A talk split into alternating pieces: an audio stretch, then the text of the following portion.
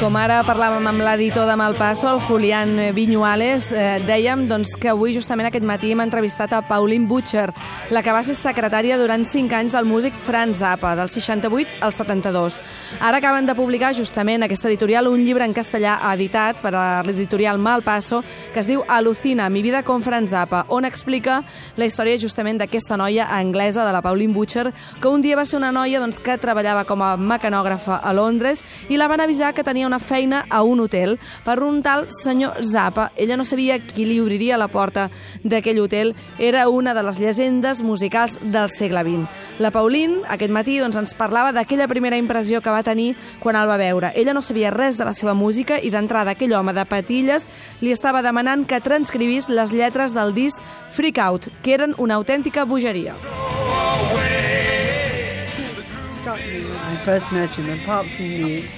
El que més em va sobtar quan el vas conèixer a part de la seva extravagància, amb la seva, la seva camisa rosa i els pantalons taronges, l'any 68,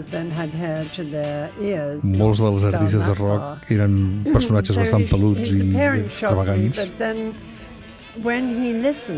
I had to say, I, when I challenged I quan escoltava el que li havia d'explicar, um, Brown Shoes Don't Make It, for example, i sobre les seves cançons i el que, que em van encarregar traduir, Brown Shoes Don't Make It, it's about a middle-aged man making love to a 13-year-old girl. Em va sobtar molt el significat d'algunes de les seves cançons eh, a l'hora d'haver de transcriure-les.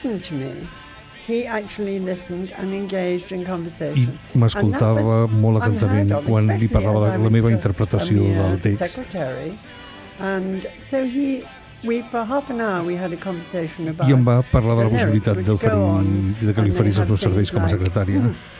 Smother her all over in chocolate syrup and strap her on again. And this is the 13 year old girl. So I, I, and then later on the lyrics go, and what would you do, Dad? I vam continuar parlant de um, les possibles aproximacions really a aquest exercici de traducció de les lletres del disc que em va demanar que li trans... de les quals em va demanar que fes la, la transcripció. I was, I was, really why I was taken with him. I a mi em va resultar molt, uh, molt sorprenent que, mm, i molt, molt gratificant que, que em confiés aquest encàrrec. De fet, eh, jo crec que la Pauline Butcher al·lucinava perquè aquella noia li estava dient totes aquestes lletres que escrius sobre mm, senyors grans que s'ho fan amb noies joves davant de la Casa Blanca, de veritat, són molt disgustings, eh? molt, no es poden aguantar, i tot i així, doncs va fer cas aquella noieta i la va tenir en consideració. La Pauline li va preguntar, però escolta'm, tu mm, ets molt famós o què? I va passar exactament això. Um, well, when I met him, he was on his first trip to Europe. Quan el uh, vaig conèixer estava fent el seu primer viatge a Europa.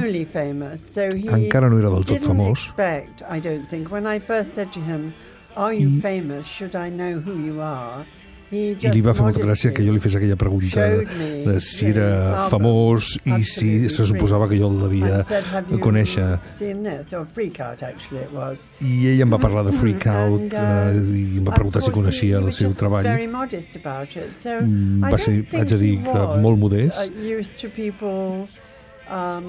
Eulogizing him so much at that time. No, I, I think that came later. No estava gaire habituat als elogis eh, que se li feien en aquell moment. Tot això va venir més tard.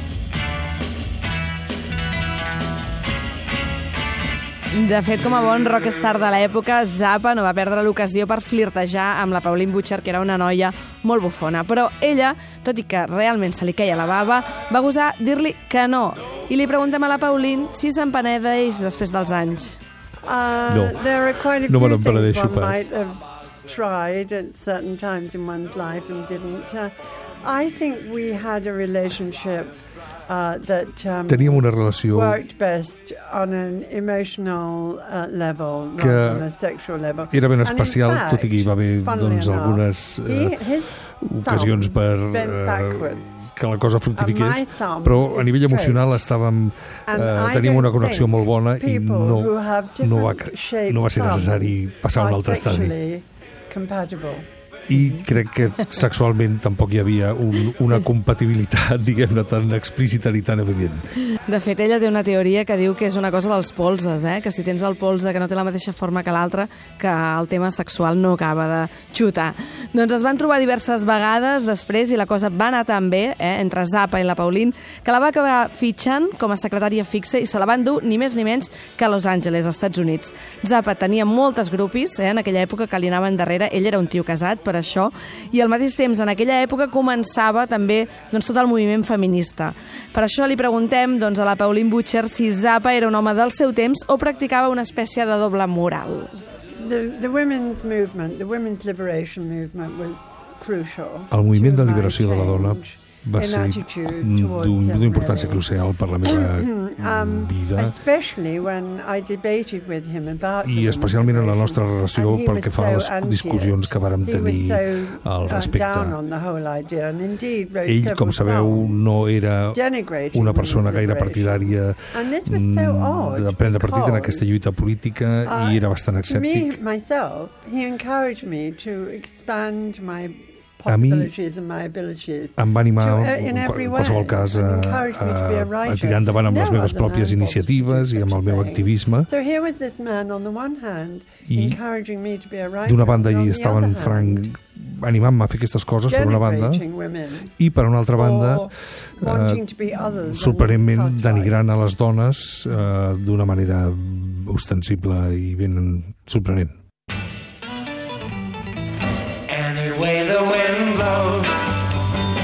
Però, tot i les seves idees subversives, el senyor Zappa, Franz Zappa, tenia fama de conservador. La Pauline, que va viure amb ell i la seva família durant 5 anys, diu que sí, que ho era i molt. Sí, era molt, molt conservador i també ho era amb la, si de la seva pròpia família i amb els seus fills and in every place he played, but she was not allowed to flick an eyelid. Uh, això és, algo, és, és quelcom que vam um, veure uh, quan anàvem de gira, en la relació amb la pròpia Gail i amb els seus fills també durant les gires. Efectivament, així era. Definitely changed my life completely, yes. I came back va marcar la meva vida i la va canviar definitivament. I was a very Era una persona molt religiosa, molt estricta, i vaig tornar a casa alliberada i um, molt influenciada per les experiències que em va reportar aquesta convivència. En aquella casa de Los Angeles, la veritat, aquesta dona, Pauline Butcher, va tenir la possibilitat de doncs, parlar eh? i conèixer a gent com Mick Jagger, Captain Beefheart, Eric Clapton... I clar, li hem de preguntar, evidentment, què recordes d'ells? The one I remember most was Mick Jagger because el que més recordo de tots aquests personatges és en Mick Jagger perquè va venir a la casa bastants vegades i va seure a la cuina que estava fet un nyap. Uh, la qual cosa ens avergonyia una miqueta. Però ja ens vam tenir ocasió de conèixer i vam poder parlar d'història, de qüestions d'història europea, concretament contemporània. I en Frank sempre feia observacions uh, bastant sarcàstiques. I estava molt impressionada amb en Jagger. El Captain, Captain Beefheart era un personatge molt estrany, um, molt, molt, molt, molt especial, que també es deixava caure per allà. I quan venien a la casa tothom semblava com sentir-se obligat a mostrar el seu apreci i veneració quasi bé pel personatge. i no, tothom es quedava molt sorprès per la manera pausada i molt, molt tranquil·la d'en Frank de comunicar-se amb els seus uh, col·legues i companys. eh, era una persona que quan treballava a casa doncs, portava una vida molt, diguem-ne, de recolliment i no, no, sense gaire activitat social. Els, alguns, si algunes haguessin matat per estar en aquesta habitació i conèixer Captain Beefheart, Com ja sabeu, Zappa doncs, va voler fer també carrera política, ara mateix podria ser el Bernie del passat, i va voler doncs, convertir-se en president dels Estats Units. I, de fet, l'excusa principal perquè la Pauline marxés als Estats Units justament va ser perquè Zappa li havien encarregat un llibre sobre les idees que tenia sobre el seu país. Well, he didn't write his book initially. No va escriure el llibre inicialment because he thought he found out pensava that the FBI que l'FBI um, um, l'estava espiant i perseguint. i, i que segurament eh, acabaria sent censurat pel contingut polític de les seves memòries. Posteriorment sí que em va semblar que eh, donat el que va succeir um, atès el que va succeir amb John Lennon que, que això podria haver succeït també amb el amb els meus escrits. Ell, com sabeu, és, uh, estava molt interessat en la política i va fins i tot considerar la possibilitat de presentar-se com a candidat a la presidència dels Estats Units. I uh, nosaltres ens va sobtar moltíssim que ell pogués pensar en aquesta possibilitat. Doncs sí, sí, imagineu-vos Franz Zappa, president dels Estats Units. Per, al final la cosa no va sortir, com ja sabeu. I hi ha una frase doncs, que s'ha fet molt famosa també per, per dir-la al senyor Zappa, que era l'educació et fotrà la vida i li preguntem a la senyora Pauline Butcher, que ara és una dona d'uns 60 anys, si creu que anava desencaminats amb aquesta hmm, frase. And that really had an impact on me. I believed that for a while. I actually went along with la that. famosa But, um, cita de Zappa de que l'educació et pot destrossar va tenir un, també un uh, efecte ben important en la manera d'entendre l'educació posteriorment i crec que també era perfectament evident en la manera que tenia en Frank de tractar els seus i educar els seus fills.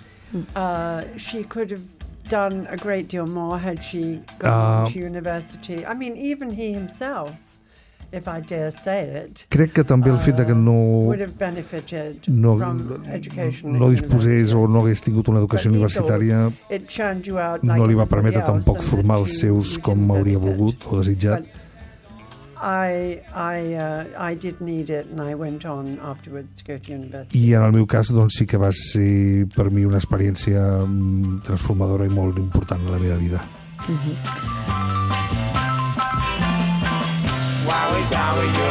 La Pauline Butcher va acabar estudiant psicologia, no li fer gaire cas al senyor Franz Zappa, però vaja, que amb la dona de Zappa, precisament amb la Gail, no van tenir una relació superfluida, la Pauline i ella. I, de fet, ella doncs, va dir que el llibre eh, no li havia agradat gaire, el llibre de la Pauline.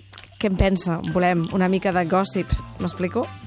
Um, as I understand it, she didn't read the book. Uh, crec que ella no va llegir el llibre. Um, she uh, didn't read the book because she was no el va llegir perquè estava enfadada amb mi.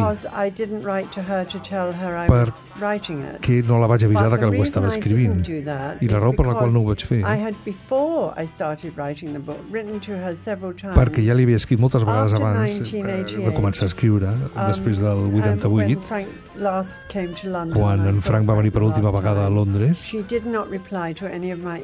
i ella no es va dignar a respondre a cap dels meus e-mails en aquell moment i el meu editor em va, em va recomanar que ho fes però és, és ben evident que la, la Gail no ho va fer. Doncs si us ha encuriosit el que ens explica la Pauline Butcher, ja sabeu que està tot això dins d'un llibre fantàstic que es diu Alucina, mi vida con Franz Zappa, que és de l'editorial Malpasso i que podeu comprar totes les vostres llibreries de capçalera. Moltíssimes gràcies.